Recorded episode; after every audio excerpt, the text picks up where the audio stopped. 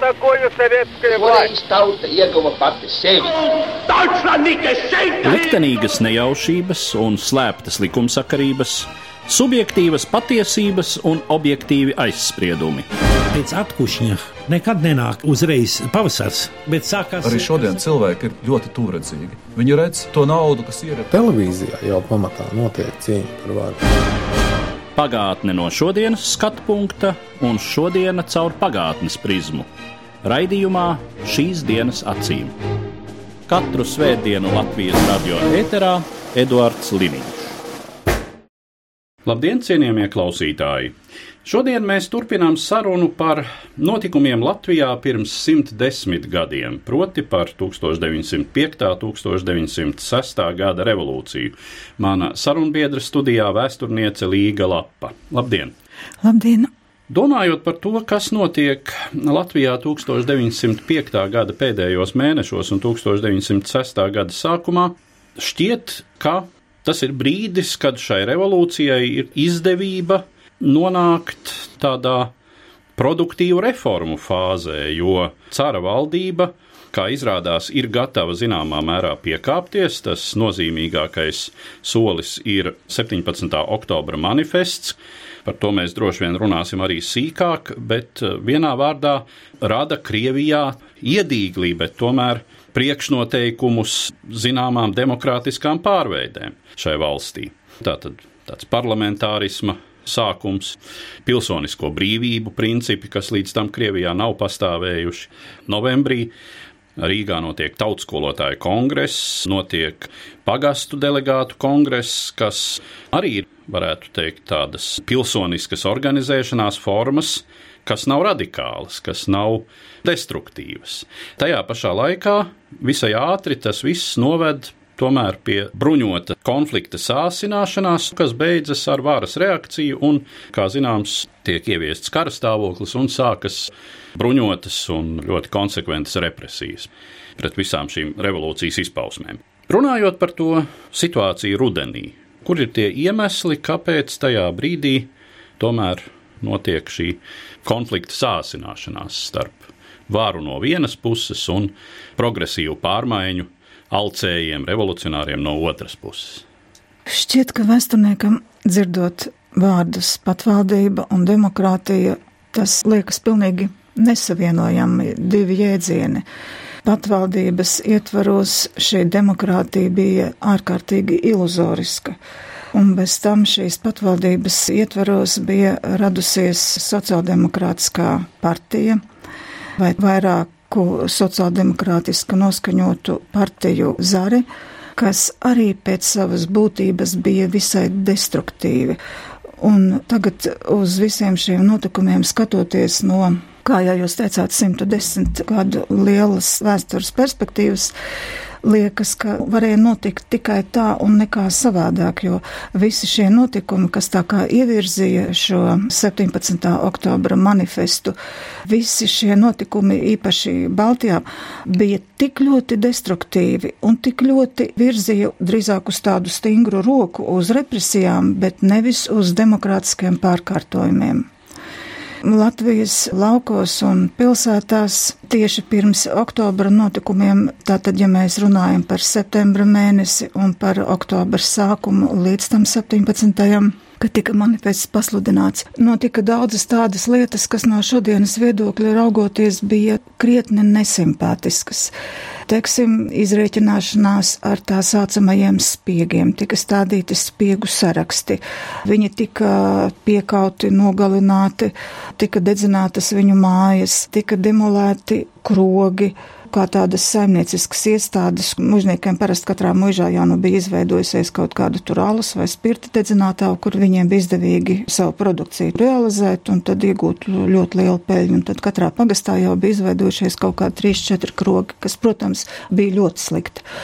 Un sociāldemokrātija tā kā iestājās par šo krogu likvidāciju, un bez tam no otras puses tā nauda, kas tur apgrozījās, tā atkal noderēja sociāldemokrātijai, ja viņu varēja paņemt. Tad notika vairākas banku laupīšanas, piemēram, Liepājā Šķiet, septembra beigās nolaupīja Krievijas valsts bankas Maskavas nodaļai, kurai bija filiāli Liepājā, kādus 25 tūkstošus rubļu, un vismaz presē parādās, ka latviešu LSDSP izlaida lapiņu, kurā stāstīja, ka to nolaupījām ne mēs, bet cita sociāldemokrāta partija, bet mēs tā kā viņus neatbalstam.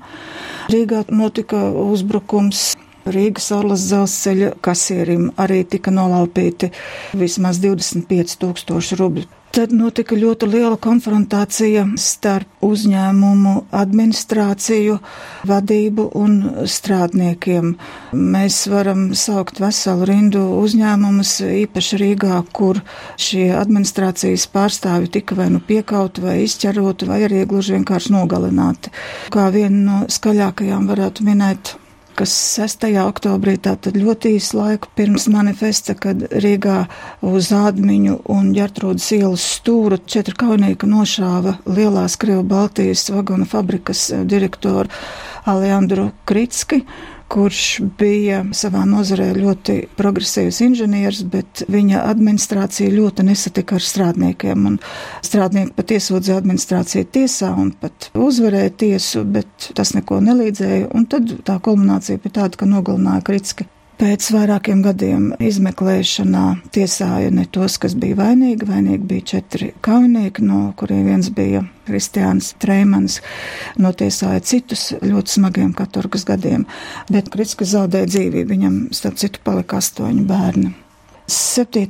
oktobrī uz Maskavas Kazaņas dzelzceļa sākās Viskrievijas politiskais streiks. Sākumā tā kā viena atzara šis streiks un ļoti drīz pārauga Viskrievijas politiskā streikā, un tad jau arī streiks atnāca līdz Baltijai, Sāk streikot Rīgas Orlas dzelzceļš, Daugavpils darbnīcas, Rīgas darbnīcas, Liepāja.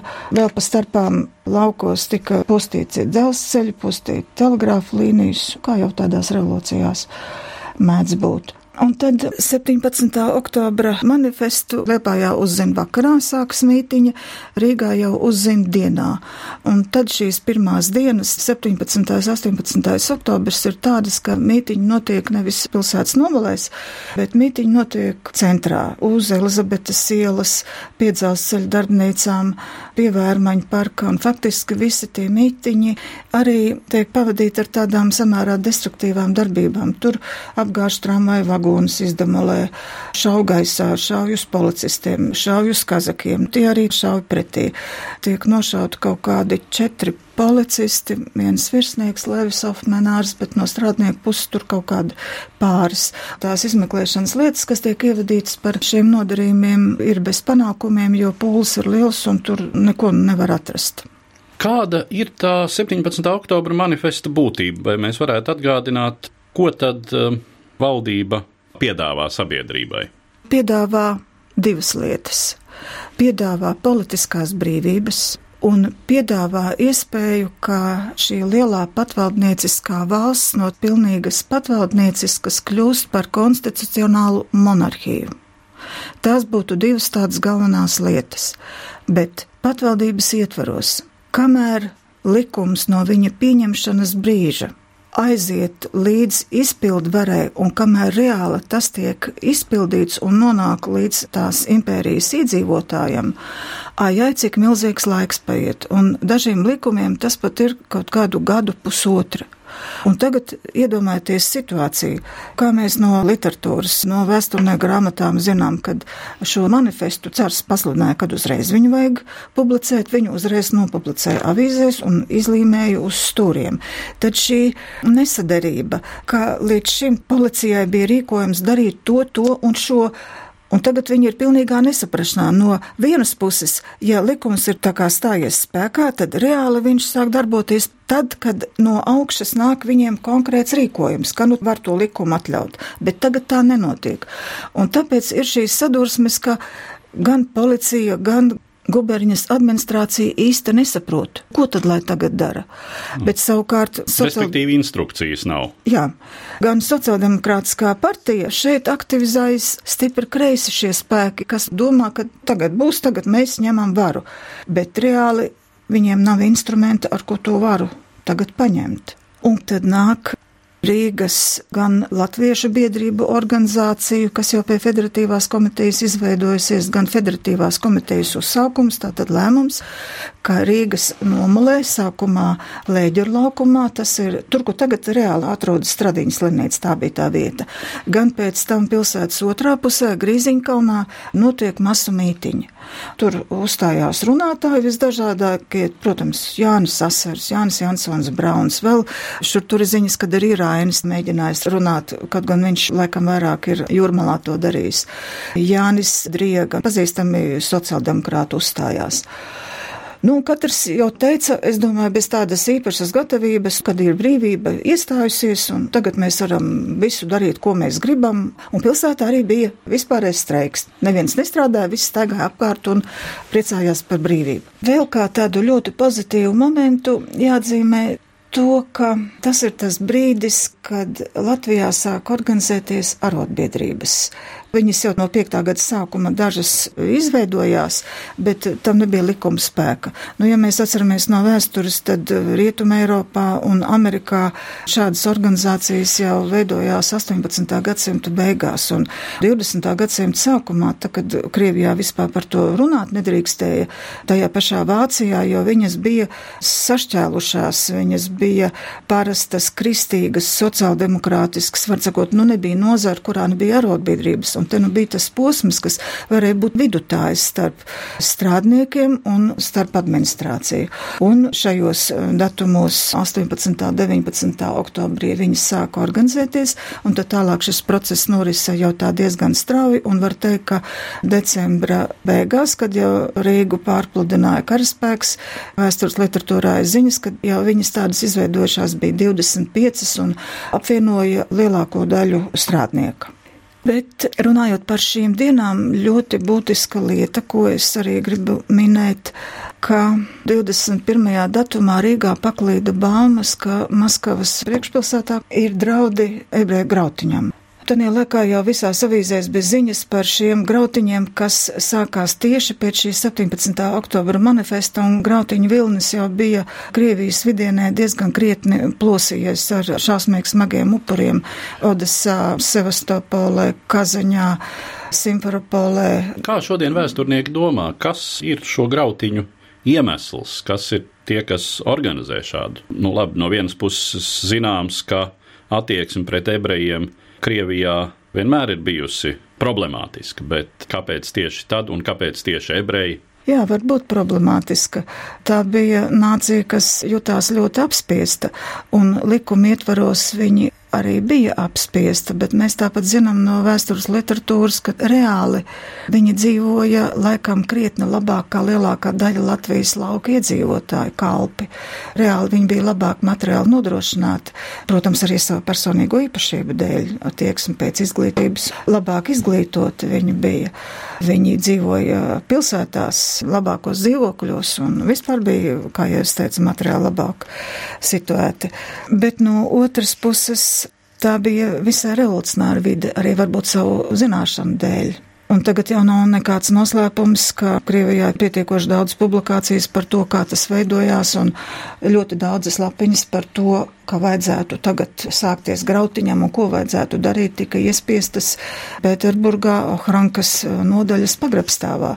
Starp citu, es arī nesen izlasīju, ka pēdējās lapiņas, ko tur tanī tipogrāfijā iespieda, bija aicinājums uz tukumu bruņoto sacelšanos. Un ļoti interesanti būtu zināt, kuras tās bija. Tā tad provocēja. varas iestādes jā. provocēja šādu izrēķināšanos. Jā, jā, varas iestādes provocēja, un bez tam sabiedrībā jau vienmēr atradīsies slāņi, kas būtu ar mieru pakauties, palaupīt, un pie tam, ja par to nesoda, nu, jā, nemaz, nu, nu, destruktīvs elements. Nu, jā, un, protams, aizspriedumi pret ebrejiem, kas ir pastāvējuši neebreju sabiedrībā vienmēr. Skatoties šos materiālus arhīvā trīs lietas par to, tur tādi antisemītiski momenti ir ārkārtīgi maz. Atgriežoties pie šo notikumu sākuma, gan jāstāsta viss pēc kārtas, ka apdraudējumu ebreji uzskatīja, ka tas būtu no, no Maskavas Forštates, kur ebreji dzīvoja kopā ar vectecībniekiem, kas arī bija tāda ļoti savdabīga un noslēgta struktūra. Par šo apdraudējumu tika runāts Federatīvā komitejā, un latviešu kaujinieki kopā ar bunda kaujiniekiem organizējās, lai šo procesu apturētu, ja tāds notiek. Tad, skatoties izmeklēšanas materiālus par šo grautiņu veidošanu, var redzēt, ka no ārpuses ir tādi divi momenti. Parādās lapiņas, tiesa gan policija konstatē, ka viņi ir atraduši veselas divas lapiņas kas ir poligrāfiski iespiestas kas nav ar roku rakstīts, bet poligrāfiski iespiestas. Tātad, nu, kaut kur viņas iespied, bet viņas ir maz un neko viņas nedod. Un otrs, 23. oktobrī uz Lielā kalna ielas tiek nogalināti divi cilvēki. Viens latviešu strādnieks, kas dodas uz veikalu, un otra sieviete, Anna Jankovska, ja nemaldos, vecs dzīvniece, kur arī liekas dodas uz veikalu, viņa ir stāvoklī. Un tad nu, liekas, ka šis ir tas katalizators, kas varētu veicināt. Bet kas notiek? Sapulcējas vecicībnieki, kuri jūtas apdraudēti, jo viņi uzskata, ka no pilsētas puses tagad varētu ierasties kaujinieki, apsūdzētu viņus tādā lietā, ko viņi nav darījuši un pat tā kā netaisās darīt. Rodas situācija, ka pulcējas vecticībnieki, kuri sava veida demonstrācijā ar svētbildēm, ar cara portretiem staigā, apliecinādami savu uzticību cara varai drošības pēc. Tā kā viņi ir krievi un policija ir krievi, kazaki krievi, kazaki viņus apsargā, staigā līdzi. Tad viņi pa ceļam visus tos, kas tā kā nu nav mūsējie, kas tur pa ielas malu tur slaistās, ir atnākuši vai kaut kur kādās mājās ir, viņi tās mājas pa starpām pārmeklē un tos, kas nav mūsējie, diezgan smagi piekauj. Un tur ir lielākā daļa tie cietušie. Nu, un arī tur vairāk nosit. Bet ir tā, ka tie ievainojumi, viņi nav šauti, viņi ir ar rokām sisti, žņaukti, spārdīti, ar akmeņiem sisti. Bet savukārt tie kaunieki, kad viņi ierodas šī rajonā, nesaprot, kas tur īsti notiek. Un ko tad viņi dara? No drošības pēc šauj, šaugaisā. Šauj arī, ka kādam trāpa. Viņi no vienas puses cenšas neizprovocēt situāciju, bet viņi neprot uzvesties. Un lielākā daļa viņa cieš. Visi šie ekscesi notiek divas dienas. Un tā visu summējot, var teikt tā, ka pavisam kopā saskaitot, cik ir nonākuši slimnīcā un cik ir policijas dokumentos fiksēti, pavisam ir cietušie 41. No viņiem bojā gājuši ir 10, bet pavisam cietušie no visiem 41 tikai 10 ir ebreji. Un faktiski četri no viņiem ir sadursmes pirmajā dienā, kur satraukts ebreju pūlis centās ieņemt policijas iecirkni ar domu, nu, ka viņus vajag aizsargāt. Bet policijas iecirknī to noturēja par uzbrukumu un uz viņiem šāva. Nu, atkal tādas nesaprašanās. Visā šajā pasākumā ebreji cieta vismazāk, un var droši teikt, ka klasisks grautiņš, kā notika Krievijā, tā nenotika netika postīti dzīvokļi, netika lapītas mājas, tika padauzīta veikalu logi. Bet tajās policijas atskaitēs ir teikts, ka šajā Maskavas rajonā logu daudzīšana ir tik ļoti parasta lieta, ka neviens par to īsti neuztraucas. Nu, labi, izdauzīja, nu, kādu piekāva, arī nekas īpašs. Tad vēl cietas 16 krievi. Tad, tad no tā cietušo kontingenta vecticībnieku un latviešu visvairāk un ebreju mazāk. Bet šis process bija divas dienas, un tad viss nomierinājās, un policija veica savu izmeklēšanu. Bet jāsaka, ka policijas dokumentos nebija šī antisemētiskā nostātne. Tur drīzāk bija tāda nostātne, aha, tie latvieši nāca uz šejieni, tā viņiem vajag. Nu, ko gribēja, to dabūja. Un arī kazaki tos brīžus, kad viņi redzēja, ka tos kaujiniekus daudz, viņi tur necentās. Nu, viņi arī tā, nu, redz, tā bija tā puse, kas nāca nemieru taisīt, un tāpēc arī viņi dabūja. No vectecībnieku puses arī savukārt tā attieksme bija nesevišķi simpātiska, jo viņi arī daudz maz sevi uzskatīja par tādiem Krievijas varas pārstāvjiem, un bija diezgan lielā nesaprašanā par to, ka viņi tā kā būtu Krievijas kultūras nesējuši šejienu, kur to kultūru ne īpaši ar lielu sajūsmu sagaida. Pareizāk sakot, ar pretestību. Un latvieši fabrikās dominēja, latvieši bija vairāk izglītotāki, labāku samatu ieņēma, labāk nopelnīja. Un ja ņēma darbā, tad tomēr šos ņēma labāk nekā viņus. Tā kā viņi arī bija diezgan tā naidīgi noskaņot. Un tas arī izpaudās šajos notikumos 22. un 23. oktobrī. Bet, protams, būtu ļoti interesanti zināt, ko par to tieši domāja vecticībnieku puse. Es vienmēr tā domāju, ka kāds vecticībnieku diasporas pētnieks varētu to papētīt tuvāk un uzrakstīt. Jā, ir jautājums, vai ir saglabājušās kādas atmiņas, kādi pieraksti vai vēstules vai kas tāds, kur šo vecticībnieku kopienas izjūtu vai priekšstatu varētu šodien vēl fiksēt. Jautājums par tālākajiem notikumiem novembrī. Tas arī varbūt šodien var šķist interesanti, ka teju vai nozīmīgākais latviešu revolucionārā noskaņojuma izpaudums vai formulējums ir šis tautskolotāju kongress. Kāpēc tieši tautskolotāji un kas tad ir tas, kas šai kongresā tik nozīmīgs tiek runāts? Galvenā prasība tautskolotājiem bija programmas maiņa, respektīvi mātes valodas ieviešana tautskolās, un šī skolu sistēma līdz tam bija ļoti sadrumstalota. Bija skolas, kas bija pakļautas tieši pašvaldībai, pagastu skolas, tad bija skolas, kas bija tieši pakļautas tā saucamās ministrijas skolas iekšlietu ministrijai, tad vēl bija pareizticīgo skolas, un šajā skolu sistēmā valdīja diezgan liels jūtcikls, bet, protams, kopējais bija tas, ka no skolām bija pazudusi mācas valoda, arī pašās pirmsskolās. Vienīgi ticības mācība, īpaši, ja tā bija luterāņu, to tā kā varēja tanī mācas valodā, tas bija pēdējais bastions, kas bija saglabājies. Un piektā gada sākumā puslegāli sanāca pārstāvji no Latviešu skolotāju palīdzības biedrības un arī no ļoti daudzām skolām. Tur arī bija neapšaubām sociāldemokrātijas ietekme organizēšanas ziņā, un Jānim Asaram tika uzdots visas šīs prasības salikt kopā, un programma mūsu tautskola, kas pazīstam ar Jāņa Asara vārdu, bija visa šī pamatā, kur sāka mācīt skolā jau no 5. gada oktobra, un vēl daļēji turpināja 1906. gadā, jo Tona skolās noteica nelegālais skolotāju birojs, kas ar sociāldemokrātisko organizāciju palīdzību represēja ļoti daudzus skolotājus līdz pat nāvisodam, kas šīs programmas prasības neievēroja. Reducējot visas šīs prasības, varētu divas tādas izvirzīt. Tātad visu mācīt mātes valodā un baznīcu atdalīt no skolas. Un tālāk jau tur bija sīkāk par atsevišķiem priekšmetiem pēc šī tautskolotāju kongresa, kas jau pagastu dzīvē ieviesa jaunas vēsmas, jo tautskolotāji tomēr bija sabiedriski aktīvi cilvēki. Bez šīs skolas, ko viņi vadīja, parasti pasniedza veselu rindu priekšmetus, vadīja vairākas klases vai pat visas četras klases, vadīja korus, vadīja sarīkojumus un tiešām ļoti sabiedriski aktīvi cilvēki, tāpēc arī viņi pēc revolūcijas tika ārkārtīgi daudz represēti. Nākošais solis bija, kā notika pagastu delegātu kongress.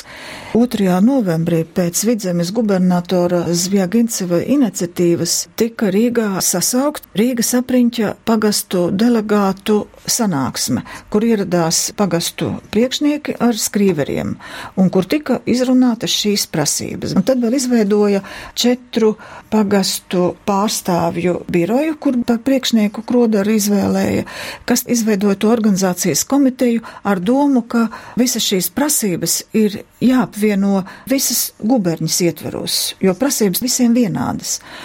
Un tad organizācijas darbā Vitien drīz saprata, ka šādas pašas prasības jau arī ir kurzemē. Tātad, ja mēs saucam kongresu, ko vajadzētu darīt, un tūlīt, jo tās prasības ir tādas degošas, ko vajadzētu tūlīt darīt, jo domāju, ka augšā arī viss notiks, un tagad mēs no apakšā būsim pagūši to izdarīt, un tas tāds labs darbs būs demokrātijas procesā. Un tātad kurzemē un Latgalē arī latviešu apriņķos, tur taču arī tādas pašas problēmas. Un tad nonāca pie secinājuma, ka vajag rīkot visu Baltijas Kurzemes vidzemes guberņu un arī Latgalas latviešu guberņu pagastu delegātu kongresu. Uz ko Zjagincevs atbildēja, ka viņš nav tiesīgs šādu kongresu atļaut, un tā arī tiešām bija, viņš bija atbildīgs par savu guberņu. Es nezinu, vai tas nonāca līdz Kurzemes gubernatoram, bet katrā ziņā Kurzemes puse un Latgalas puse, par ko gan īsti nav skaidrs no kurienes, ieradās bez viņu varas iestāžu atļaujas, bet šis process jau bija tik tālu norises, ka to aizliegt vairs nebija iespējams, un kongress vienkārši notika. Kongresa lēmumus varēja īstenot samērā īsā laikā. Tātad pirmais tika likvidētas pagastu valdes, un viņu vietās ievēlētas jaunās rīcību komitejas.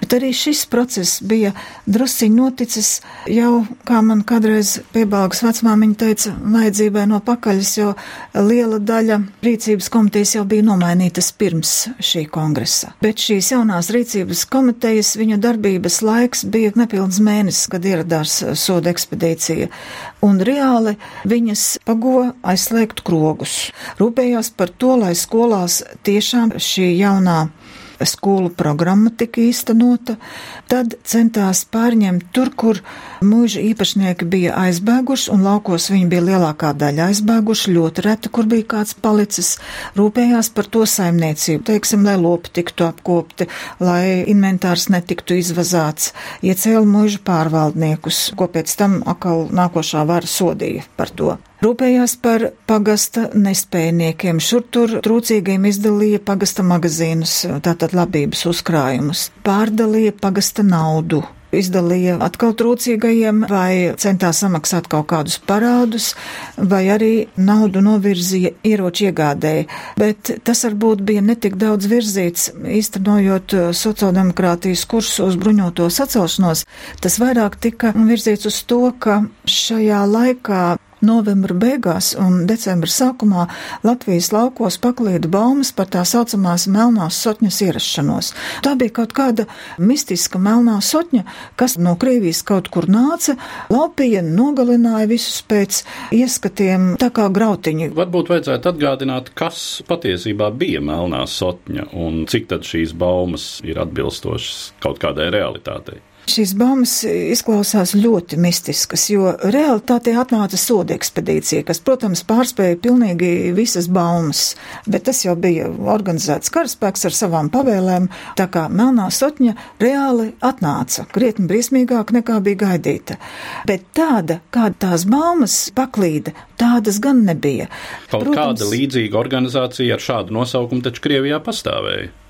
Ja Krievijā tāda organizācija pastāvēja, tad līdz Latvijai viņa tiešām neatnāca. Un ja viņa būtu atnākusi, tad pie rīcības komitejām izveidojušās tautas miliču organizācijas būtu noteikti devuši bruņotu pretsparu. Un visas šīs ieroču konfiskācijas, kas radās, tās bija ar domu netik daudz veidot bruņotu sacelšanos, kā tieši aizstāvēties pret šādu veidu uzbrukumiem. Un no otras puses, ja mēs skatāmies uz kriminogēno situāciju gan pilsētās, gan laukos, tad jāsaka, ka viņa nebija diez cik jauka. Zaga zirgus, aplaupīja mājas. Katrās mājās īstenībā bija bise, ko tādos gadījumos šaut pretī, un tas nebija nekas tāds īpašs notikums, ko pagastā kādu māju naktī aplaupīja. Tas bija tāda dzīves realitāte, to mēs varam palasīt tā laika presē, tā vienkārši notika. Nu, un šī gadījumā vāca tos ieročus, lai pagasta miliči varētu pretoties, bet savukārt, tad, kad atnāca soda ekspedīcijas, tad šo procesu uzskatīja par bruņošanās mēģinājumu pret uh, varu, pret patvaldību. Un tad jāsaka, ka šo ieroču konfiskācijas gadījumus arī pēc tam tiesa klasificēja kā bruņotu laupīšanu, skrupulozi izmeklējot, vai tad, kad atnāca un prasīja atdot ieročus, vai tas bija bruņots vai nebija bruņots. Nu, ja viņš bija bijis kaut kādās mežsargu mājās, kur jau vienu bisi dabūjis, tad tā bise viņam braši atradās plecā, un viņš ieradās nākošās mājās un prasīja nākošo ieroci, bet jau bija bruņots. Un tad, lūk, šo varēja klasificēt jau kā tādu bruņotu laupīšanu, par ko bija citi panti un citi katorgas gadi. Šeit, cienījamie klausītāji, mēs pagaidām pārtraucam sarunu ar vēsturnieci Līgu Lapu par norisēm Latvijā 1905. gada beigās un 1906. gada sākumā. Mūsu sarunas turpinājumu klausieties raidījumā šīs dienas acīm nākamā svētdien, 6. martā, 3 un 5 minūtēs. Uz redzēšanos! Katru svētdienu Latvijas radio viens par pagātni sarunājas Eduards Liniņš.